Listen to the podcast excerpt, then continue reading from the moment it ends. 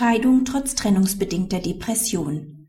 Die bei Scheidungen geltende Härtefallklausel des Paragraphen 1568 Alternative 2 BGB ist nicht anzuwenden, wenn ein Ehegatte unter einer trennungsbedingten Depression leidet.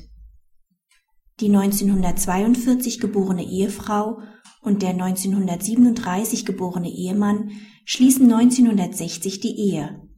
Diese scheitert, Sie lassen sich 1966 scheiden. 1989 heiraten sie ein zweites Mal.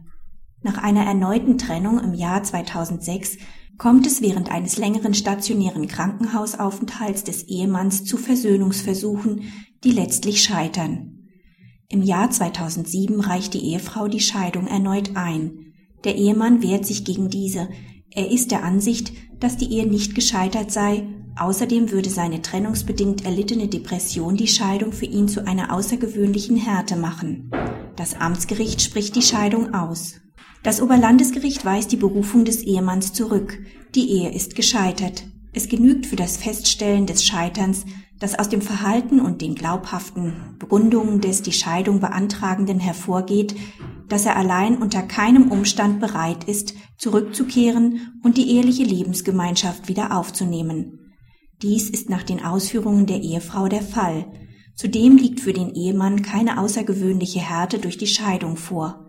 Diese wäre nach 1568 Alternative 2 BGB gegeben, wenn außergewöhnliche Tatsachen vorliegen würden, die den Ehemann vor einer unerträglichen Lage infolge der Scheidung bewahren sollen. Es handelt sich bei 1568 Alternative 2 BGB um das letzte Mittel, das lediglich einen zeitlich begrenzten Ehebestandsschutz bietet.